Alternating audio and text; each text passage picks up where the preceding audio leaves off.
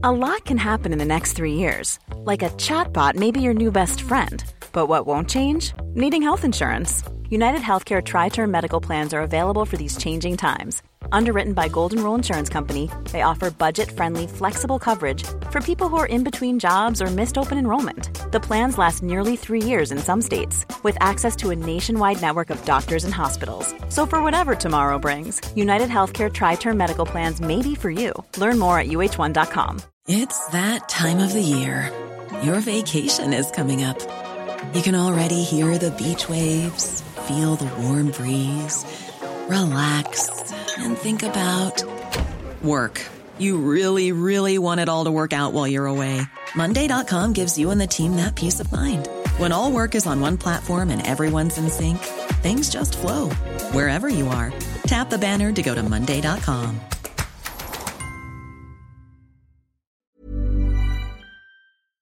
Vi har med oss eh, daglig leder i Semmo Johnsen eh, eiendomsmegling, Kristoffer Ascher. Og så har vi med oss eiendomsutbygger Terje Tindholt. Eh, I dag er det Stein Ove Haugen og Eline Vamstad som holder denne julepodkasten, som blir sendt i romjulen 2020.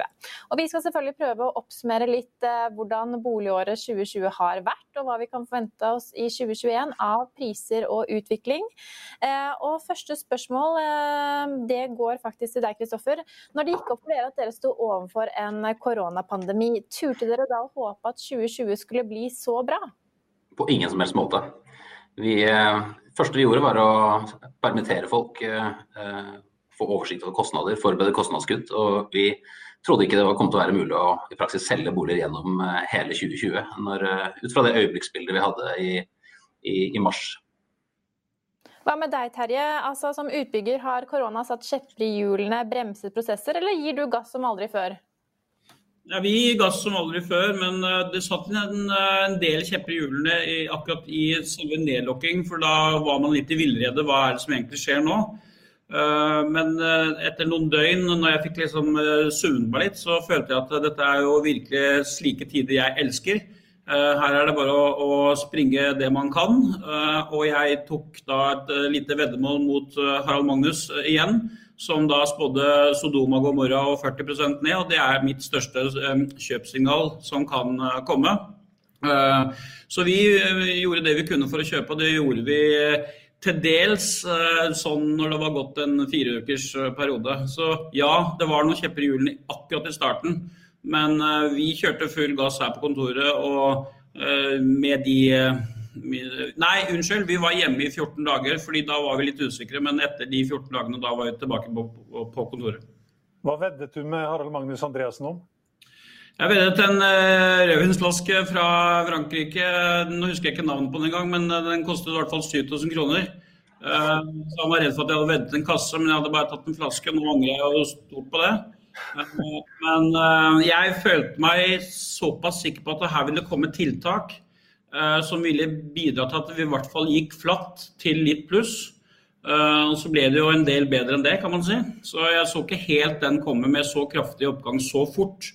Men uh, jeg følte at her har vi nok krutt i kassen. og Bakgrunnen for det er fordi vi har vært gjennom, eller jeg satt veldig på 2008-krisen. Hvor jeg så hvordan markedet responderte når vi hadde etterkrigstidens verste nedtur. Eh, og responsen på det eh, bidro til at jeg mente dette her kunne vi komme fint gjennom. Kristoffer, dere holder jo til i Oslo, eh, og Oslo-prisene har steget. Nå sitter vi bare med novembertallene, for desembertallene kommer jo ikke før på nyåret. Men steget over 10% Hvordan har hverdagen vært for eiendomsmeglerne gjennom de siste seks månedene?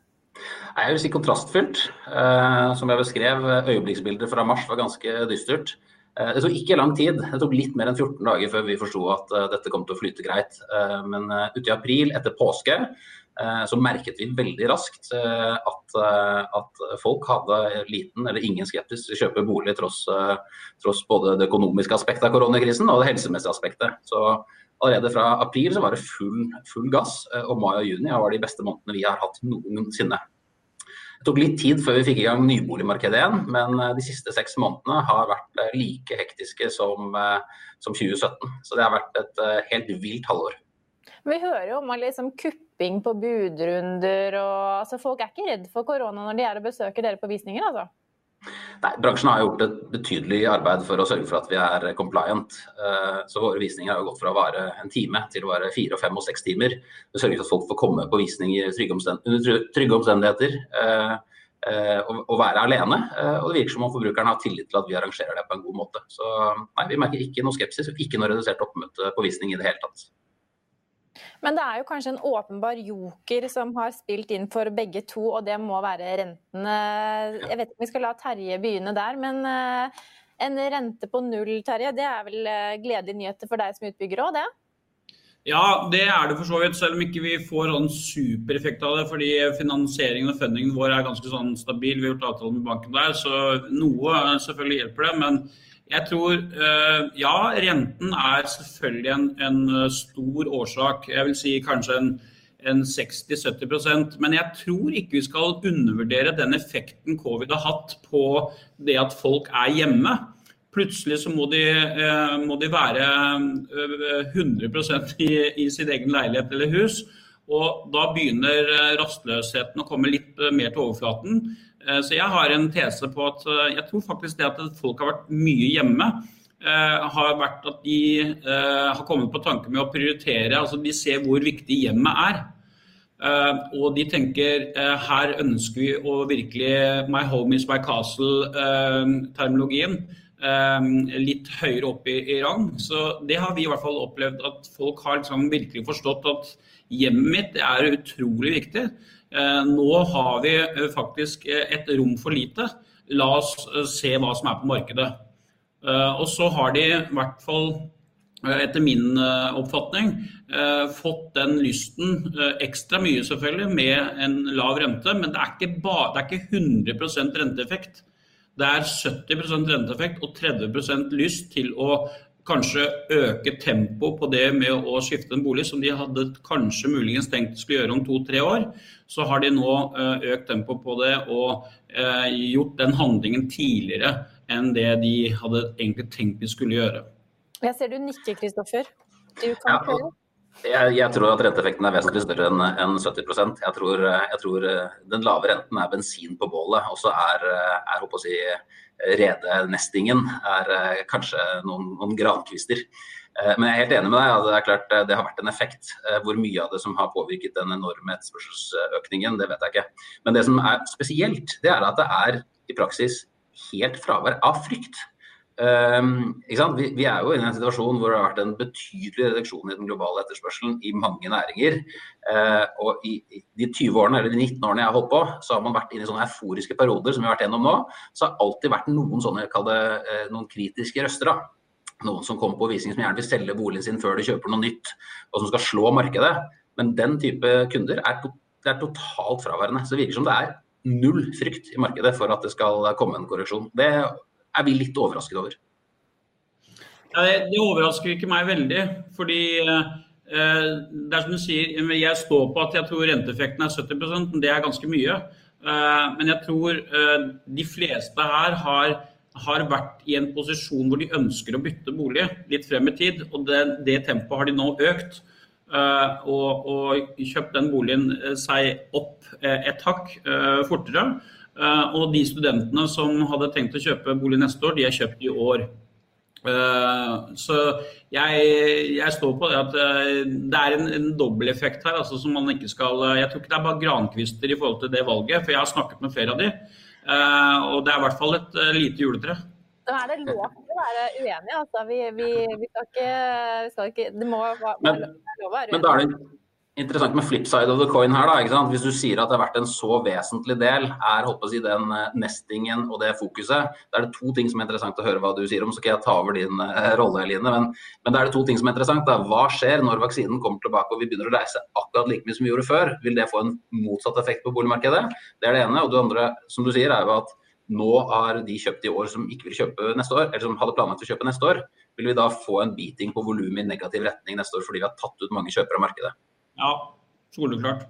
Mm, så du mener at det bremser veksten neste år? Det vil, det vil bremse veksten noe, men ikke i Oslo. For der er det andre parametere som jeg vet ikke om vi skal gå inn på her. Men det er mange flere faktorer som gjør at det vil eh, styrke prisen i Oslo. Og jeg er jo Jeg håper jeg tar feil, da. Men jeg er redd for at vi kommer opp mot, ikke, helt, ikke så høyt som i 2016, men opp mot 2016-nivået. Eh, fordi vi bygger altfor lite. Det er enda flere som flytter inn til byene fordi det er der jobbene er.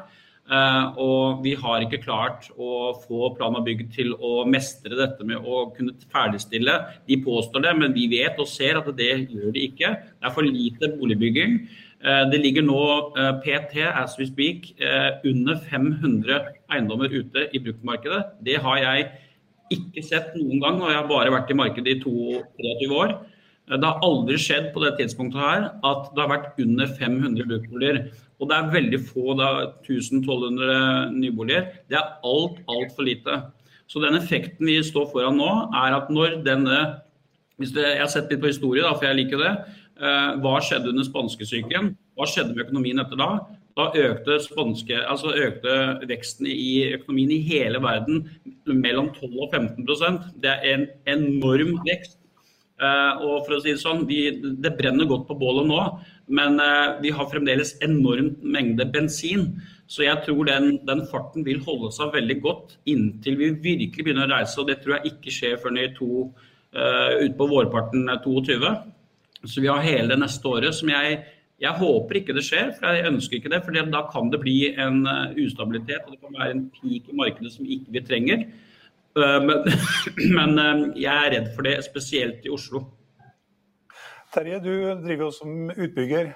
Har du mange prosjekter som eh, du da vil nyte godt av i neste år og året etterpå?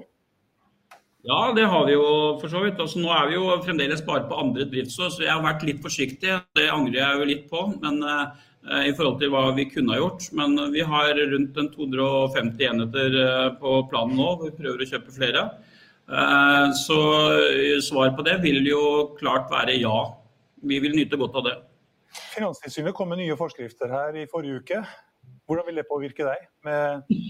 Nei, det, det, er så lang historie. men Kortversjonen der er jo at eh, vi, vi, er jo litt overrasket over at de nå plutselig har vektet Eh, boliglånsprosjektfinansieringen 150% altså Det er et, forbruks, et forbrukslån til en 18-åring eh, som faktisk er i mislighold. Eh, så dette er høyst spesielt, og dette har med EU-regler å gjøre. Så vi tror at de har overtolket disse reglene altfor mye. Og dette gjelder ikke oss som har finansiering gjennom store banker, for de har en annen regnskapsform og en annen risikoform som er underlagt andre regler, så de vekter dette internt. Mens de mindre bankene og f.eks. Pareto Bank de vil uh, måtte være uh, forpliktet til å vekte dette på 150% Dvs. Si at de da må sette av så høy egenkapital at de må opp med renten et sted mellom 2,7 og 3,5% Dvs. Si at da er de ute av markedet. Så I Distrikts-Norge med mindre banker så er dette veldig, veldig hva skal jeg si, nesten skummelt. Fordi finansiering kan stoppe opp for lokalbankene. Ok, Så effekten for Oslo-markedet vil ikke være noe særlig stor, tror du? eller? Eh, ikke veldig stor, men det er klart, eh, hvis vi ser på Pareto Bank som et eksempel, så har jo de finansiert en rekke store prosjekter. Eh, hvis de legger ned eller struper inn sitt tilbud til markedet, så vil det klart være en effekt på at færre vil bygge. Det er så dyrt å finansiere at det vegrer seg litt for. Og jeg vet at det er mange som ikke får finansiering gjennom de store bankene, så de er avhengig av Pareto. Så med, med, mindre de er villige til å ta det påslaget på en 3-4% opp, så, så, tror jeg det kan hemme noen av prosjektene i byen. Så det kan være dumt for noen og bra for andre som har god finansiering. Kristoffer? Ja, Det var egentlig mitt poeng. for at Veldig mange av de mindre utbyggerne bruker jo de mindre prosjektbankene for å i hvert fall delfinansiere prosjektene sine. Sånn at uh, jeg tror at dette vil ha en effekt, fordi at, uh, fordi at det vil påvirke tilbudssiden på, på småprosjektene. Eh, og, og, det er mange vet du, av småprosjektene. Det, det, representerer en ganske stor del av volumet. Det er ikke så store prosjekter som bygges innenfor Oslo-grensa, for det er, det er, få av dem. Så jeg tror at uh, dette vil ha en påvirkning i, i, i negativ retning for, også for Oslo-markedet. Men altså, tilbudet kommer til å gå ned. En under tolkning, og FNO har jo gått hardt på her, så det kan jo være til vi ser på tolkning på en litt annen måte etter hvert. Men uh, Eh, jeg støtter at dette kan påvirke markedet i negativ retning for boligutvikling, men veldig positivt for pris, som er for positiv. Men når vi hører, altså når vi hører på resonnementet deres for 2021, altså Kristoffer, hvordan planlegger dere for det boligåret når, når man går året i møte med så høye prisforventninger? Nei, altså, det er jo, eh, vi, planlegger med å sørge for at alle, alle meglerne våre er fit for fight og klare for å ta unna store volumer. Eh, vi, vi, sitter jo i midten, eh, så, så, vi sørger for å hele tiden forsøke å, å, å, å effektivisere arbeidsprosessen, sånn at vi kan få unna de store volumene som vi venter kommer. Så vi er klare for å, for å take it on. Det blir en god juleferie. Kan dere ikke risikere at de, disse som kommer og selger boligen deres har kunstig høye forventninger, når man liksom kan se for seg en sånn 2016-oppgang? Det er alltid meglerens dilemma. Uh, uansett hvor bra markedet er, så er alltid selgerens uh, forventninger for høye. Så jeg vil si, og Det har Terje sagt mange ganger, at uh, en av våre viktigste jobber som megler er å være psykolog og sette forventningene riktig. Så Det har vi jobbet knallhardt med gjennom hele, hele hele 2020. Og det kommer vi til å jobbe minst like hardt med i 2021, det er helt sikker på. Tilbake til renteforventningene. Norges Bank eh, de mener jo nå at, eh, at, de ser for seg at de vil sette opp renten kanskje allerede i begynnelsen av 2022. Sjeføkonomene mener at den kanskje bør komme opp før. Er dere redde for at noen renteøkninger skal eh, legge demper på den euforien man har i boligmarkedet? Jeg tror det er fornuftig at vi får en demper. Eh, nå vi, ligger vi an til over 10 prisvekst i Oslo i år. og Det er i grenseland av hva jeg mener at uh, representerer et sunt marked. Uh, hvis vi får tilstander tilbake på 2017-nivå, så, så, tror jeg ikke det er sunt. Og det øker faren for en boble. Og jeg tenker at det er fornuftig at det, er, at det kommer inn noen demninger. Så, så, jeg tror at jeg tror at eh, det er fornuftig å, å, øke renten noe tidligere, og jeg tror at det ikke vil eh, Eller jeg tror at en liten brems i boligmarkedet eh, Jeg tror uansett at det fortsatt vil være superfart i boligmarkedet, for å si det sånn. Frykter dere at det kan komme nye forskrifter? Det er jo lenge til 2022 og en eventuell renteoppgang? Nå har, akkurat, uh, har, man akkurat bestemt seg for å beholde boliglånsforskriften sånn som den var. så Man har akkurat vært gjennom en runde hvor man har vurdert å gjøre innstramninger i den. Så jeg kan ikke helt se for meg hvordan, eller hva som ligger i, i løypa der. Jeg tror ikke egentlig det. Jeg tror ikke jeg det. De har tatt et valg der, og jeg tror de, de, gjør ikke den samme feilen som vi klagde på sist gang når de økte renten fire hopp. Så mente jeg de to siste var feil, og det sa alle at det var helt riktig. Og så gikk det to måneder, og så mente selv eh, herr Olsen at det var feil. Eh, så jeg tror de vil ta dette veldig forsiktig. Jeg tror eh, nå har ikke akkurat Norges Bank vært de beste til å spå boligprisene, selv de forsøker seg i dag. Jeg tror de bommer der igjen. Eh, dette kommer til å ta, eh, På landsbasis så vil det ta litt lengre tid. Men eh, jeg tror ikke de bare ser på Oslo i forhold til å sette opp renten. Så jeg, er, jeg, jeg tror dette kan humple og gå en, en, god stund til. Jeg tror ikke renten kommer opp før vårparten 22. It's that time of the year. Your vacation is coming up. You can already hear the beach waves, feel the warm breeze. Relax, and think about work. You really, really want it all to work out while you're away.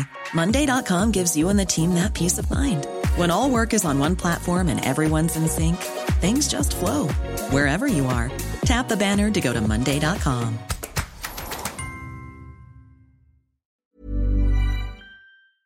I'll see you in court.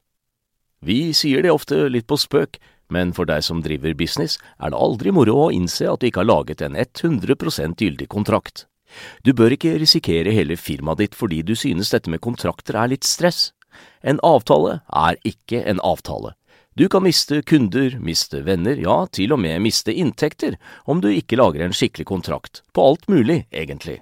Men vi vet det er et styr. Kopimaskiner, tregprinter og haugevis av papir. Dessuten stoler vi jo på folk her i landet. Det er ofte litt kleint å skulle be om en signatur for alt mulig, ja, for mye av styret handler også om jakten på underskriften.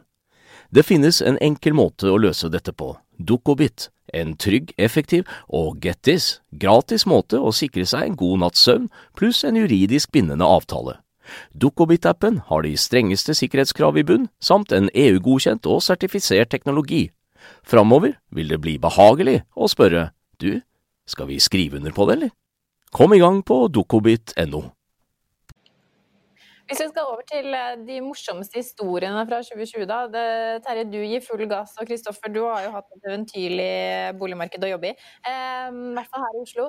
Hva, har dere noen morsomme historier på lur på hvor crazy eller eh, bra det har gått?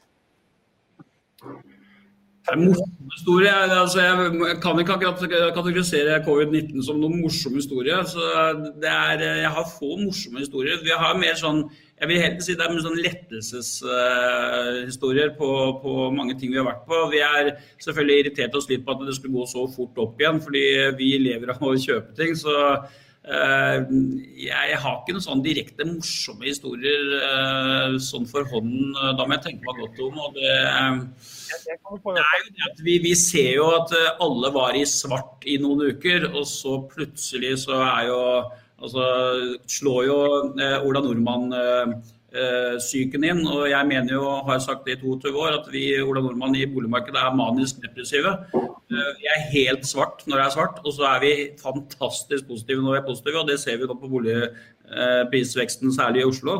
Så alle løper jo helt av skaftet idet de satte ned renten med en eneste gang. Eh, pluss at de da um, forserte noe av de utsettelsene av planene. Det tok de nå i, i år istedenfor om to år. Så morsomme der vil jeg vel ikke si er sånn ekstremt mange av annet enn uh, Jeg tror du, Der burde du nok heller spørre boligselgerne. De har nok hatt litt morsomme episoder. Men Terje, har du allerede glemt hovedkvarteret til Ultveit Mo på Fornebu? Ja, nei, ja, men det var, ikke, det var, ikke, noe morsomt for så vidt. fordi det, det, Han er jo min kjære nabo, og vi er godt forlikt nå. Men det var jo jeg må si, når det sto på for, som aller verst, så, så er ikke det noe stas å på en måte saksøke den egen nabo fordi at han ikke står ved en skriftlig avtale som er gjort. Uh, så, så det, i min verden så er ikke den i kategorien morsom. Det, og, uh, VG satt på trappa og tok bilder. Det er ikke sånn supergøy. Men gevinsten var jo morsom?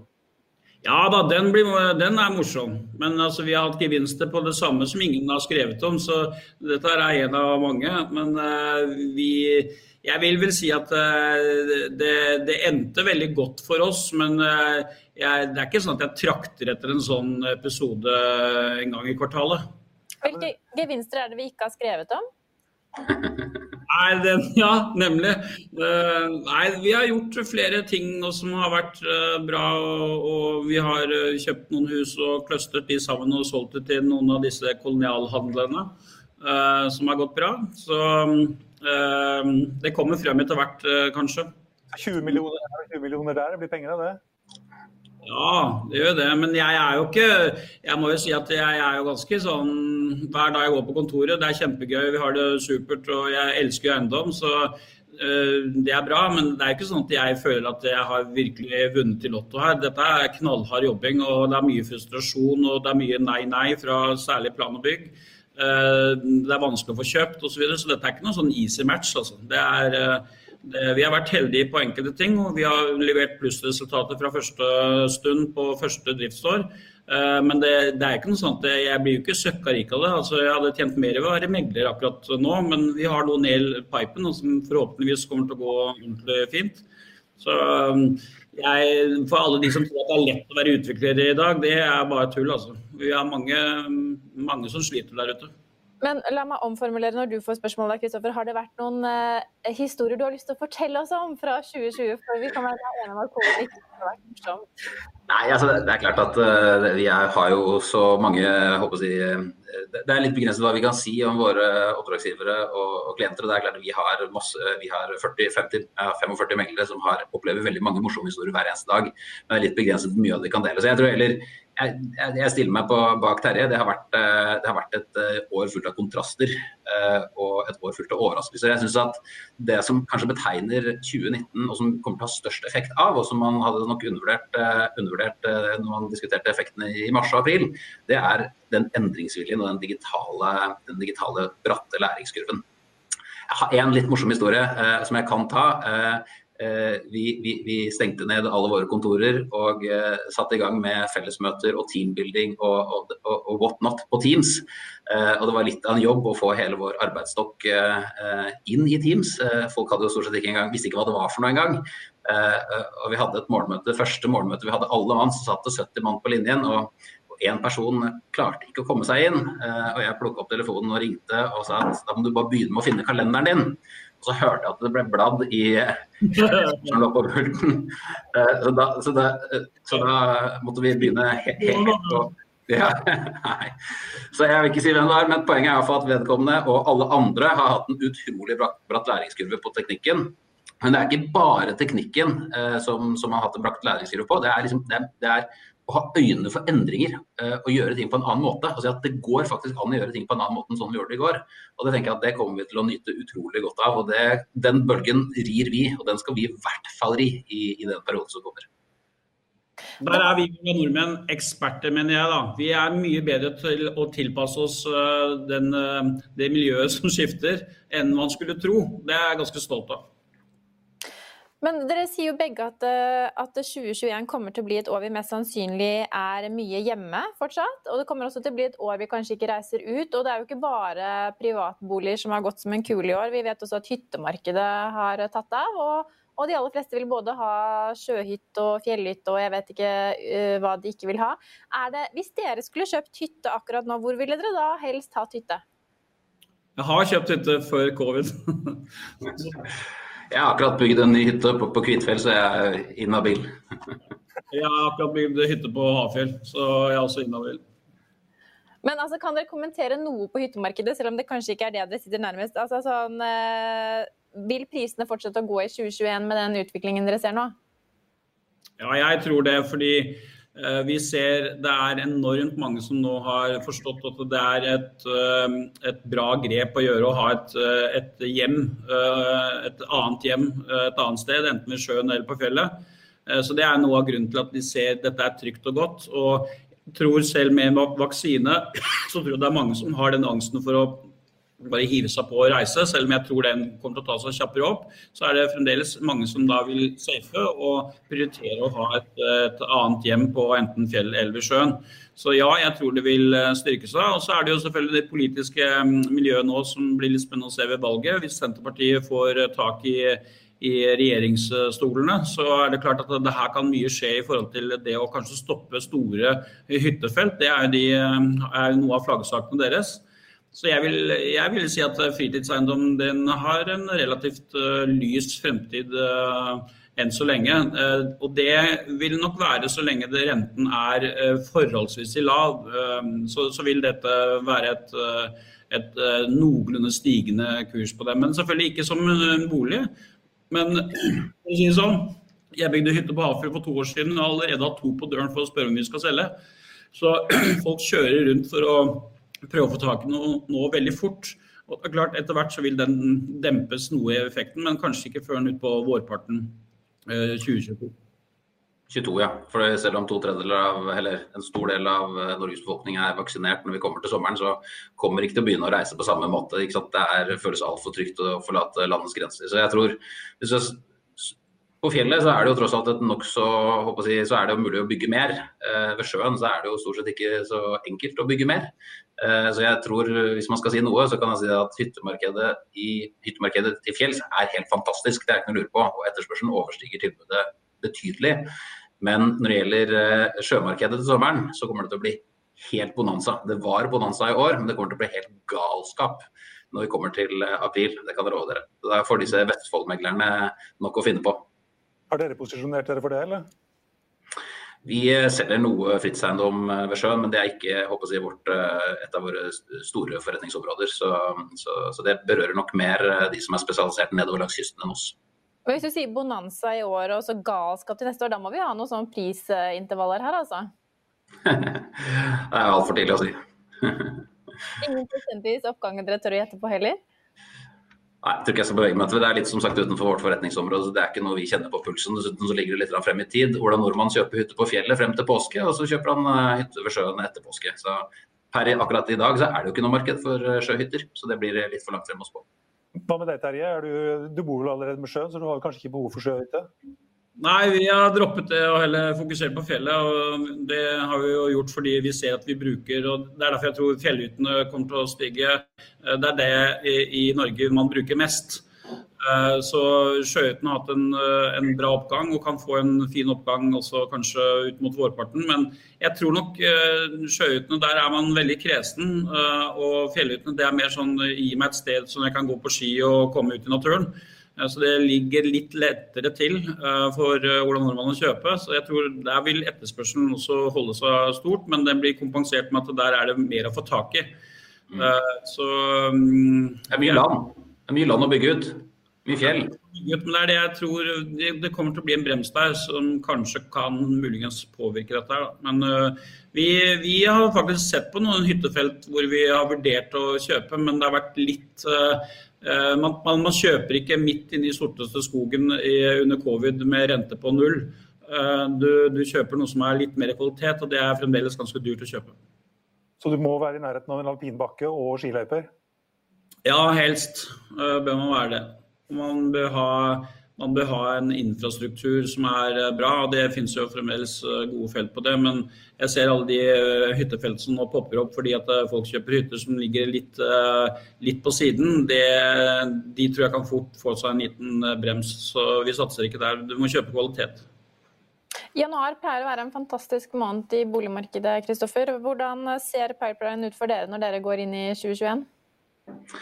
Nei, pipeline ser for så vidt bra ut. Vi har, eh, vi har eh, bra, med, bra, med, oppdrag, men vi har ikke like mye som vi hadde i fjor. Eh, og det henger nok sammen med at vi har tatt ut store volumer i år.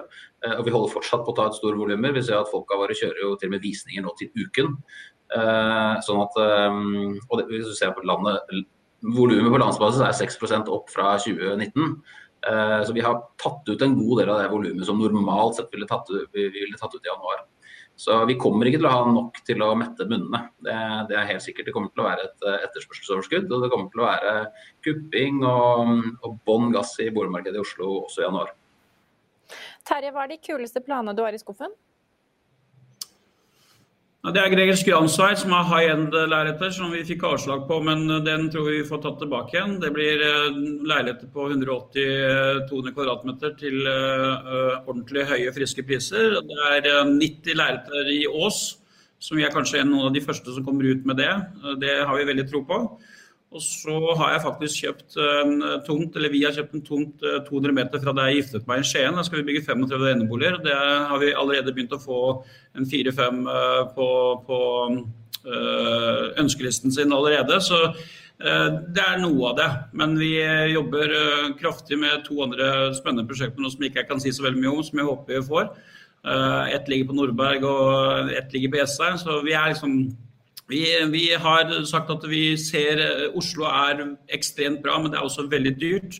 Så vi ser eh, beltet Hamar-Tønsberg leter vi i de områdene vi mener er riktige, og som ligger sentralt til. Stasjonsnære områder eller ved sjø, eller som ligger eh, i kvalitetsfelt. Da. Visst, ja. Ja, du, du, kommer kanskje til det, men vi må spørre dem om hva de tror om boligprisene i januar og hele 2021. Ja.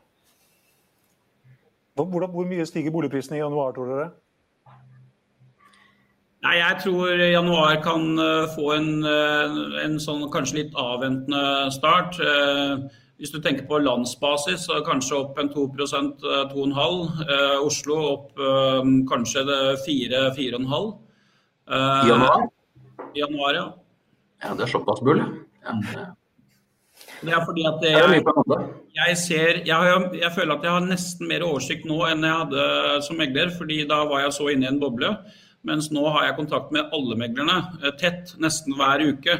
Um, og, og ser på volumene. og Jeg ringer og hører og hvor, uh, hvor, de ligger i forhold til løypen. og Jeg tror det er atskillig Du sier det jo litt, Kristoffer. Uh, det er atskillig færre oppdrag som kommer til å komme inn nå fordi man spår en oppgang, eh, og da avventer folk litt. Og det blir en selvforsterkende effekt.